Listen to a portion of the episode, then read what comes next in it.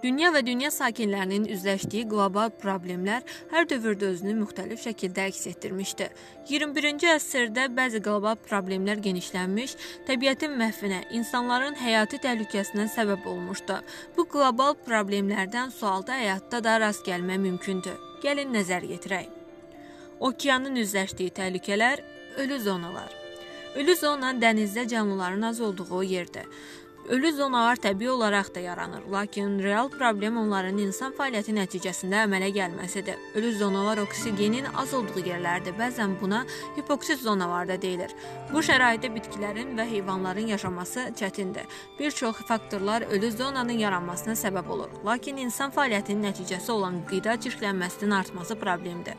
Məhsul istehsalını artırmaq üçün fermerlər tez-tez gübrədən istifadə edirlər. Artıq gübrə torpaqdan süzülərək okeana tökülür.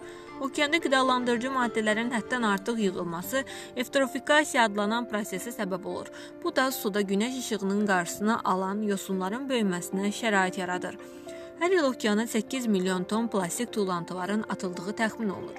Georgia Universitetinin professoru Jenna Jambergin dediyinə görə bu dünyada bütün sahilləri hər futunda 5 bazarlıq hissəsi qədər zibil olmasına bərabərdir. Böyük Sakit Okean tullantı ləkəsinin sahəsi təxmin edilir ki, Texas ştatından daha böyükdür, lakin hazırda heç kəs bunu dəqiqliklə ölçməyib.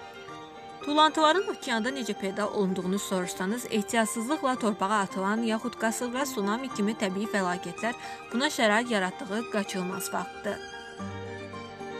Belə şəraitdə suda yaşayan canlıların yaşamına necə mənfi təsir göstərdiyini görərik. Belə ki, quşlar, balıqlar, dənizdə yaşayan digər canlılar plastik qablarda, torlarda ilişib qalırlar. Bu da onların yaralanması və ölməsi ilə nəticələnir.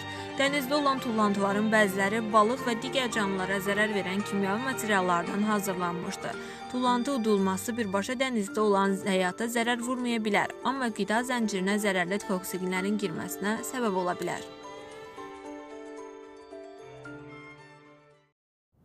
Vincent van Gogh həyatı boyu 2000-dən çox rəsm əsərləri və eskizlər yaratdı. Ancaq onlardan yalnız biri sağ ikən satıldı. İndi isə dünyanın ən bahalı 20 rəsm əsərlərindən 4-ü ona məxsusdur.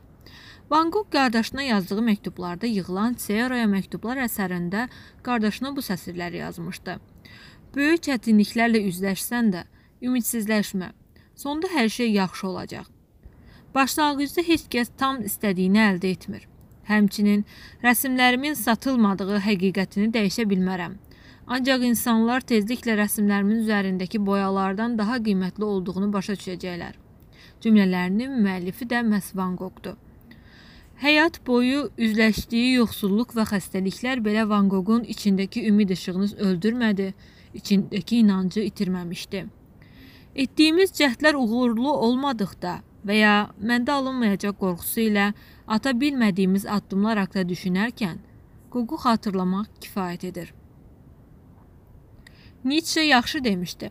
Həqiqətin dağlarına ümidsizliklə qalxmaq mümkün deyil.